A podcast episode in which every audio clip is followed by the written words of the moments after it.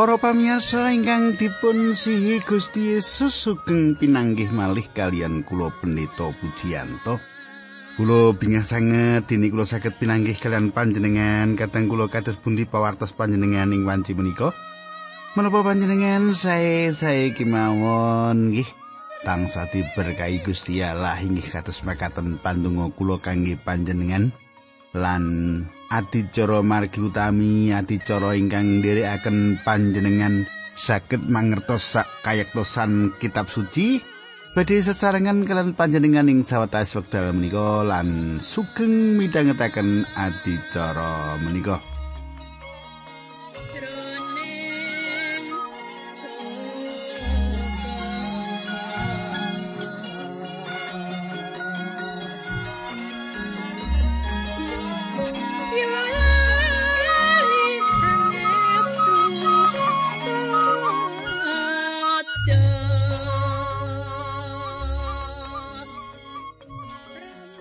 Para pamirsa menapa panjenengan tasih kemutan menapa ingkang kula aturaken nalika pepanggihan kepengker. Kula suwun panjenengan tasih kemutan kula badhe ngring kesekedhik kemawon supados wonten wonten bab-bab ingkang saged panjenengan imut-imut kanthi makaten saged napa gathuk-gathukaken makaten kanthi makaten panjenengan tundhonipun saged kemutan menapa ingkang kula aturaken duk pepanggihan kepengker. Wonten ing pepanggihan kepengger kita sampun nyemak kados pundi Paulus meratelaken pilih mboten wonten ingkang saged misahaken kita saking sipun Gusti Allah. Ngaten nggih.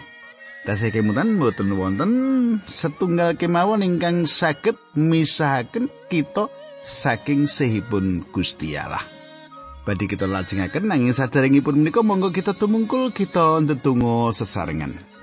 Duh Kanjeng Rama ingkang dampar wonten kraton ing kasuwargan, kawula ngaturaken gunging panuwun menawi wekdal menika kawula saged tetunggilan kalian sederek-sederek kawula ingkang setya tuhu midhangetaken adicara menika. Kawula nyuwun Gusti berkahi, Gusti mitulungi lan kula nyuwun supados Gusti njepati kawula kanthi pangwasipun Sang Roh Suci. Dinambaran asranipun Gusti kawula Yesus Kristus kawula nyuwun tuntunan ing adicara menika. Haleluya. Amin.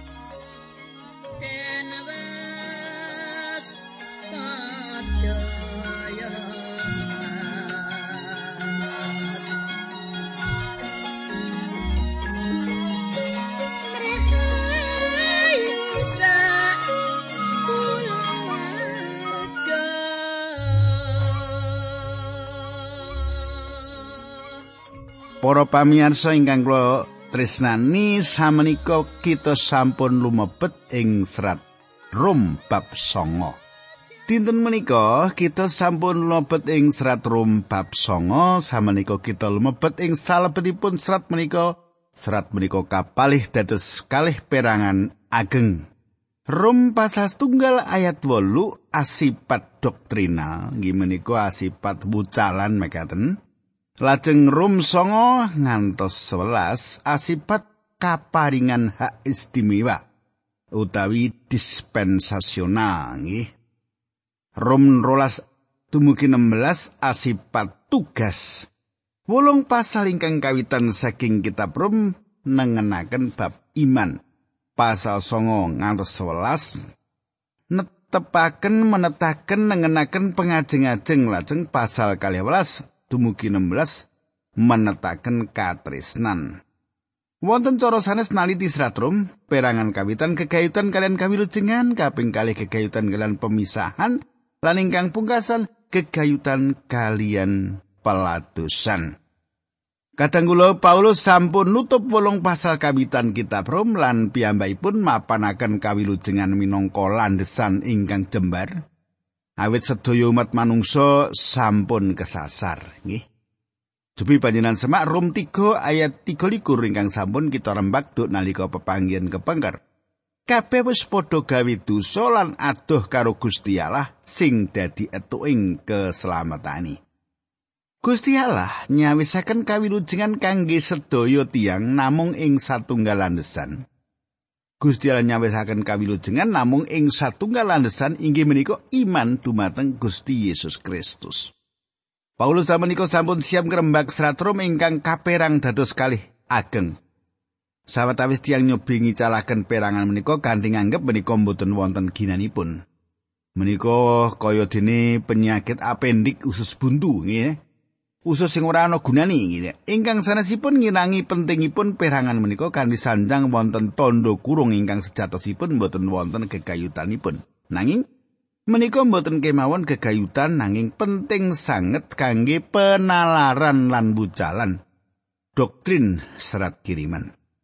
Para pamirsa, wonten keterangan-keterangan ngidapi-dapi ingkang meratelaken pentingipun perangan menika.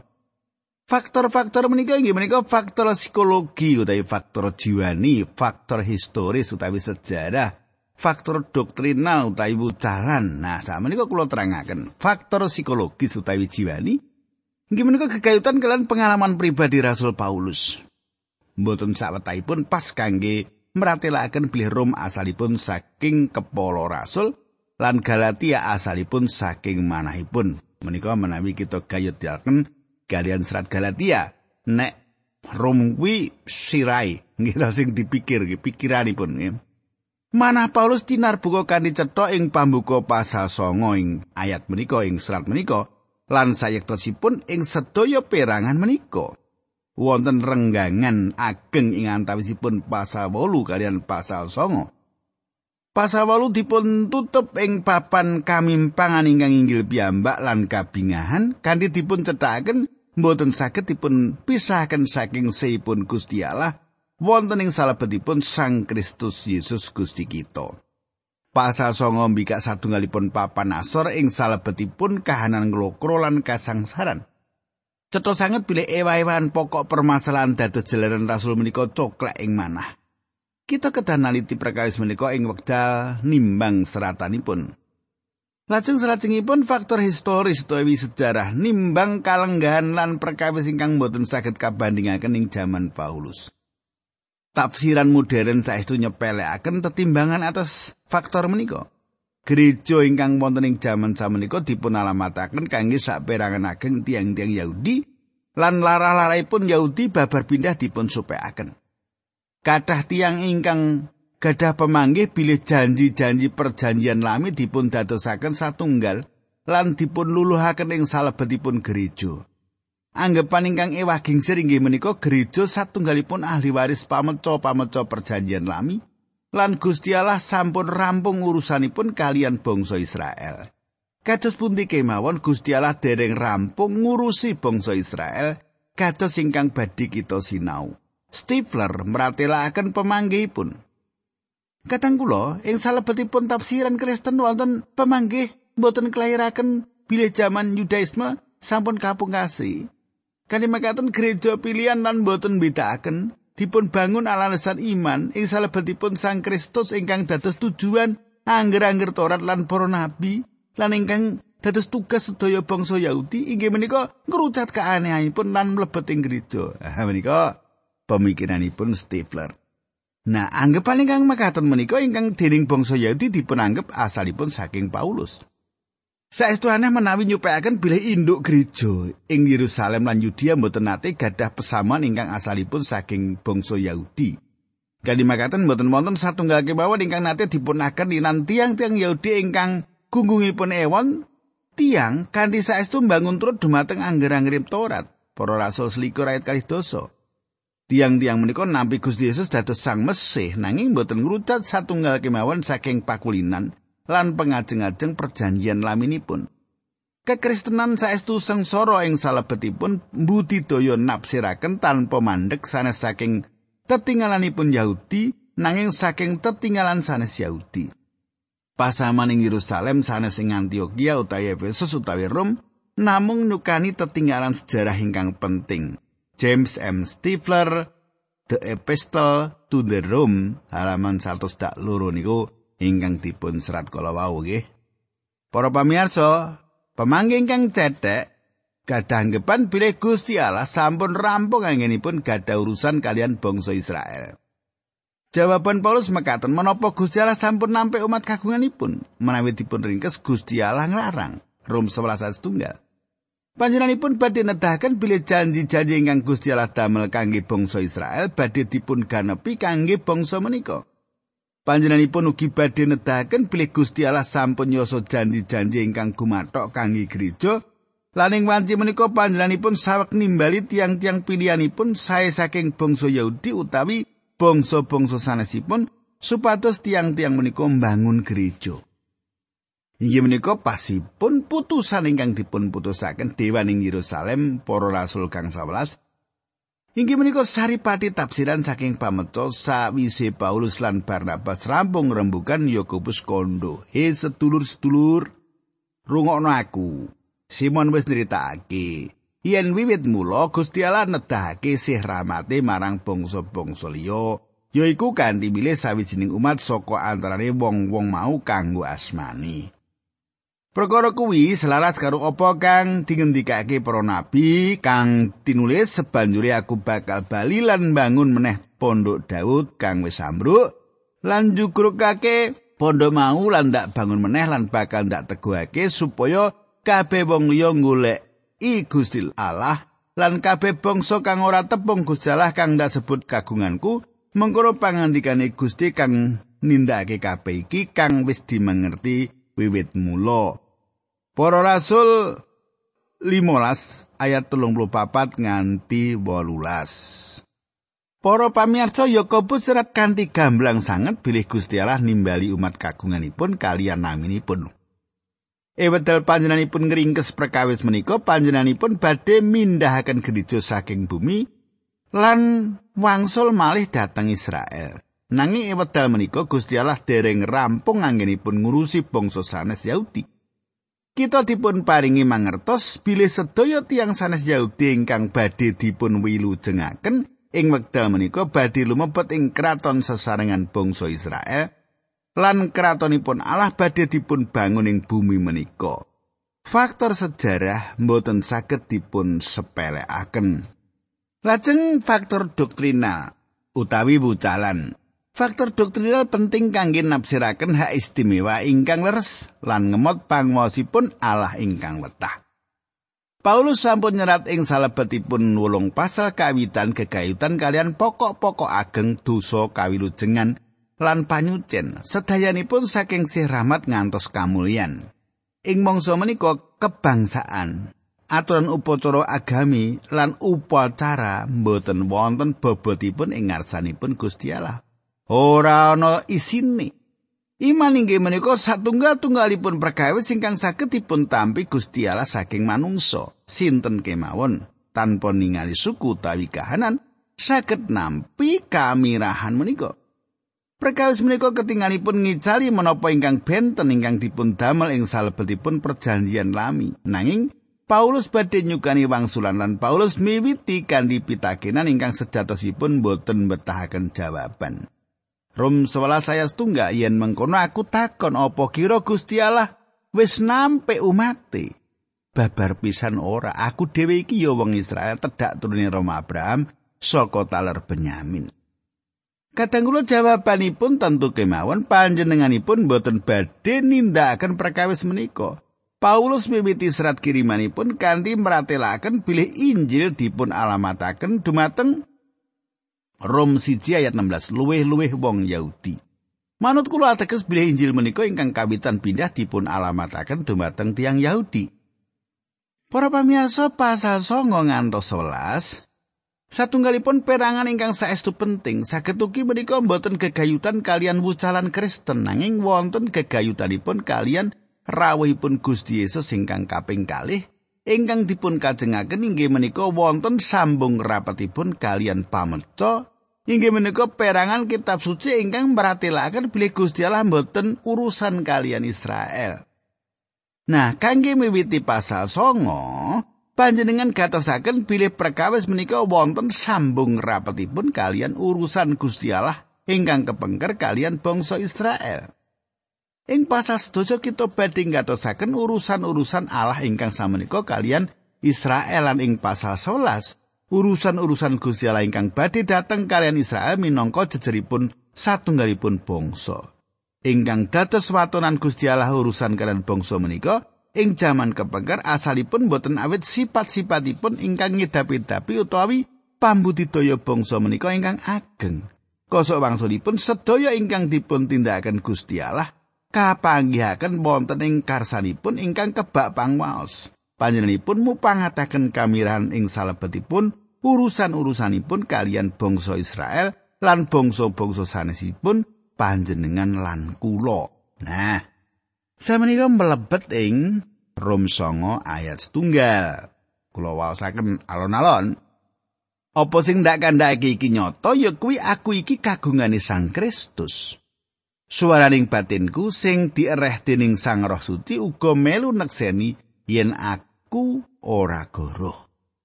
Para pamirsa, ketingalipun menika satunggalipun pambuka ingkang saestu resmi ingkang asalipun saking Rasul Paulus. Nanging panjenengan kedah emut ing wekdal piyambakipun nyerat menika piyambakipun dipun dakwa dados mengsah tiang-tiangipun piyambak. Samenika ayat kali. Saebo sedih ing atiku lan ora ginira gedhening prihatinku ing ngatasé bangsaku, bangsaku sing tunggal daging lan getih para pamirsa. Mboten saged kita mestani kanthi pas kasangsaran ingkang awrat saking rasul ageng menika atas bangsanipun piyambak. Ingkang kita mangertos inggih menika kados pundi Rasul Paulus tabah ing salebetipun nglampahi panganiaya menika terus-terusan. Piyambakipun mangertos menapa ingkang tiang tiang menika raosaken atas Sang Kristus lan kekristenan, awit piyambakipun ugi nate ngraosaken. Piyambakipun nate dados tiang Farisi, dados pemimpin, piyambakipun gadah kekajengan supados tiang-tiang menika sowan dumateng Sang Kristus kados dene piyambakipun. Ayat 3 mergo bangsaku mau aku rila upama awakku ditamani bebendu dening Gusti Allah lan dipisahake saka siye Sang Kristus. Para pamirsa, Paulus nembe kemawon meratelaken ing salebetipun pasal 8 bilih mboten wonten ingkang saged misahaken kita. Inggih menika ingkang manunggal kalian Sang Kristus saking sihipun Gusti Allah. Samenika Paulus ngendika, "Aku rela upama awakku ditamani bebendu dening Gusti Allah lan dipisake saka Siye Sang Kristus." Menapa ingkang dipun ngendikaaken menika satunggalipun pepinginan ingkang ketingalipun saestu mboten mlebet ing nalar. Kula lajengaken ayat 4 dan 5. Wong kuwi umat pilihane Gusti Allah, wong-wong mau padha diangkat dadi para putrane Gusti Allah piyambak lan padha diparingi kamulyan Gusti Allah wis damel perjanjian karo wong-wong mau sarta padha diparingi Torat. Wong-wong mau padha ngerti bab patrape ngabekti marang Gusti Allah lan padha diparingi prasetyan-prasetyan dening Gusti Allah. Wong-wong mau padha dadi anak turune para leluhure bangsa kita lan Gusti Yesus Kristus manut tata kamunungsani klebu bangsane wong-wong mau. Pinuji Gusti Allah sing ngereh samu barang ing selawas-selawase. Amin. Para pamirsa Paulus nyukani pitakenan sapa bangsa Israel kuwi wonten wolu ingkang dados ciri saking bangsa Israel kawitan dipun pulung utawi dipun angkat. Anggenipun kapulung menika asipat nasional lan wonten kegayutan kalian kamanunggalan ingkang lahir secara nasional mboten kangge pribadi-pribadi ingkang pinisah. Satunggal-tunggalipun bangsa ingkang nate Gusti Allah sebat dados jejeripun putranipun inggih menika bangsa Israel. Sepida malih dipun ngendikaken kados makaten ing pangandaring Torat 6 ayat pitu. Makaten surasipun wulangno marang anak-anakmu wulangno semangsa kowe lagi ana ing omah utawa lagi lelungan yen kowe lagi ngaso utawa yen lagi nyambut gawe. Duka Gusti Allah saestu etu ngersakaken kados makaten utawi mboten menawi panjenenganipun mboten saestu estu. Pramila kula mboten mangertos kenging menapa panjenengan pitados dumateng Yohanes 3 ayat 16 Kali janji menika wonten ing salebetipun kitab ingkang sami. Kula pitados dumateng Yohanes 3 ayat 16 lan kula pitados ing pangandaring Torat 6 ayat pitu panjenenganipun paring pangandikan. Hosea 11 ayat 1 pangandikane pangeran mengkini nalika isih cilik Israel ndak tresnani lan ndak timbali metu saka tanah Mesir kaya putraku kakung Gusti Allah paring pangandikan atas bangsa menika bangsa Israel menika putranipun panjenenganipun nate nyebat bangsa-bangsa sanes kados mekaten kapulung dados gadhanipun bangsa Israel. Kaping kalih kamulyan. Menika satunggalipun pangayunan kajasmanen Allah ing antawisipun tiang-tiang ingkang kados ingkang dipun tedahaken ing tabernakel salajengipun ing pedalaman suci. Pangentasan kawandosa ayat tigang dosa gangsal meratelaken mulane Musa ora bisa mlebu ing sajroning kemah. Bangsa Israel inggih menika satunggal-tunggalipun bangsa ingkang nate ningali pangayunanipun Allah. Jaman samenika mboten wonten pangayunanipun Gusti Allah ingkang ketingal. Kita ketangi muti kasunyatan menika. Namung bangsa Israel ingkang saestu-estu ningali pangayunanipun Allah, gereja mboten saged ningali pangayunanipun pangeran menika. Kenging menapa sebab Sang Roh Allah manunggal wonten ing salebetipun tiang pitados. Dados nyoto Sang Kristus ingkang gesang wonten ing sisih karanipun Gusti Allah Sang Rama. Kaping tiga perjanjian Gusti Allah yoso perjanjian-perjanjian mligi kalian bangsa Israel ingkang badhe panjenenganipun tindakaken. Kathah saking ing antawisipun janji-janji menika ingkang kalaksanan. Panjenenganipun paring pangandikan bilih panjenenganipun badhe berkahi sedaya bangsa. Panjenenganipun paring pangandikan dumateng Daud bilih panjenenganipun badhe mlebet ing salebeting sarasilaipun. Sedayanipun menika dipun ganepi ing salebetipun Gusti Yesus Kristus. Gusti Allah Yoso kathah perjanjian kalian Israel, kalian Abraham, kalian Daud, kalian bangsa menika lan panjenenganipun dereng nate Yoso kalian bangsa-bangsa sanes. Perjanjian menika darbeipun bangsa Israel. Kaping sekawan angger-angger, angger-angger Musa diparingaken dumateng bangsa Israel. Cobi panjenengan semak pangentasan 19 ayat gangsal. Kang iku saiki yen kowe padha mbangun trut marang dawuhku sarta padha netepi janjiku kowe bakal padha ndak dadekake umat kekasihku salumaing bumi iki kagunganku dene kowe kabeh bakal dadi umatku kang pinilih. Salajengipun Gusti Allah paring pangandikan ing kitab ing salebetipun kitab pangantasan tigang dosa tunggal ayat telulas. Pangantasan tigang dosa tunggal ayat 13 supaya ngandhake marang bangsa Israel padha netepono pernatane dina-dina sabat dina sing ndak tetepake dadi dina kanggo ngaso selawase dina kuwi dadi tandha perjanjianku karo kowe kabeh sing mretandani yen aku Allah wis nimbali kowe kabeh dadi umatku dhewe. Kadang kula menika ugi dipun alamataken dumateng bangsa Israel. Kaping gangsal lelados dumateng Allah. Perkawis menika gegayutan kalian anggenipun manembah ing tak bernakalan pedalaman suci, tak bernakalan pedalaman suci kekalipun dados kerajaan para iman. Pangentasan 19 ayat 6 sarta kowe bakal padha dadi umat kang ndak sengker ngladosi aku ana ing kratonku. Bangsa menika andadosaken cuwanipun Gusti Allah nanging Gusti Allah mboten nyuwak kersanipun inggih menika andadosaken bangsa menika imam-imam. Gusti Allah milih taler Lewi lan maringi taler menika tanggal jawab ngladosi lan ngrimat tak bernakalan salajengipun ngrimat pedalaman suci ing jaman ingkang badhe dumugi ing kerajaan sewu taun bangsa Israel badhe sepindah malih dados imam-imam Gusti Allah ing bumi menika. Kaping 6 janji-janji, perjanjian lami kebak kalian janji-janji ingkang dipun damel kangge bangsa-bangsa menika, Gusti Allah paring pangandikan dumateng Yosua. Yosua setunggal ayat kalih. Mengkini, Abdiku Musa wis tinggal donya saiki kewelan umat Israel kabeh padha cecawisa nyebrang kali Yarden ngrebut tanah sing wis ndak paringake marang Israel. Kadang kula tiang-tiang Israel badhe gadah tanah menika. Kaping pitu para leluhur perkawis menika utaminipun dipun tujuaken dumateng Abraham, Iskak lan Yakub. Kaping 8 Kristus Sang Mesih panjenenganipun rawuh ing salebetipun daging ing medal panjenenganipun mandhap ing bumi panjenenganipun dados tiang Yahudi wanita ing caket sumur nyebat panjenenganipun menika tiang Yahudi semak Yohanes kawan ayat songo Para pamirsa Paulus kanthi ngatos-atos ngendika kalih Korintus gangsa ayat 16 Mulane saiki kita ora ngukur wong manut panemune manungsa, senadyan dek biyen kita mawas Sang Kristus manut panemune manungsa, nanging saiki wis ora mengkono.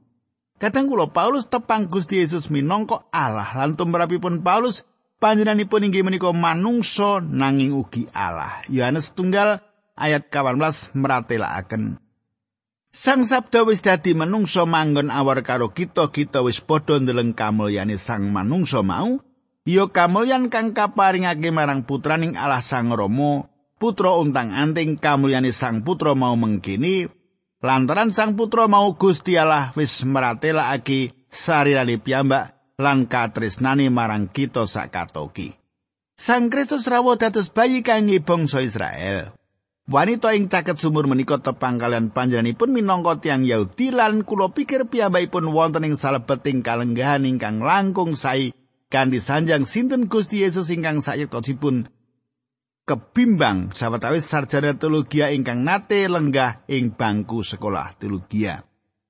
Kadang kula saged Sang Kristus Sang Mesih kedadipun pisahaken saking pitung tokoh sanesipun awit panjenenganipun langkung ageng dipun banding sanesipun. Ibrani kali ayat 16, awit satemene dudu para malaikat sing dipitulungi Gusti Yesus nanging kaya pangandikane ing kitab suci panjenengane mitulungi tedhake Rama Abraham. Kadang kula kula cekapi rumiyin pepanggihan kula panjenengan kalajengaken dinten candhaipun samenika monggo kita tumungkul kita ndedonga. Kanjeng Rama swarga kawula ngaturaken gunging panuwun ing wekdal menika kawula saged tetunggilan saged sesarengan midhangetaken sabda pangandikan paduka. Paduka berkahi sanak kadang kawula menika Gusti linambaran asmanipun Gusti Yesus Kristus kawula pasrahaken sedherek kawula menika wonten ing panjanggungipun paduka. Haleluya. Amin.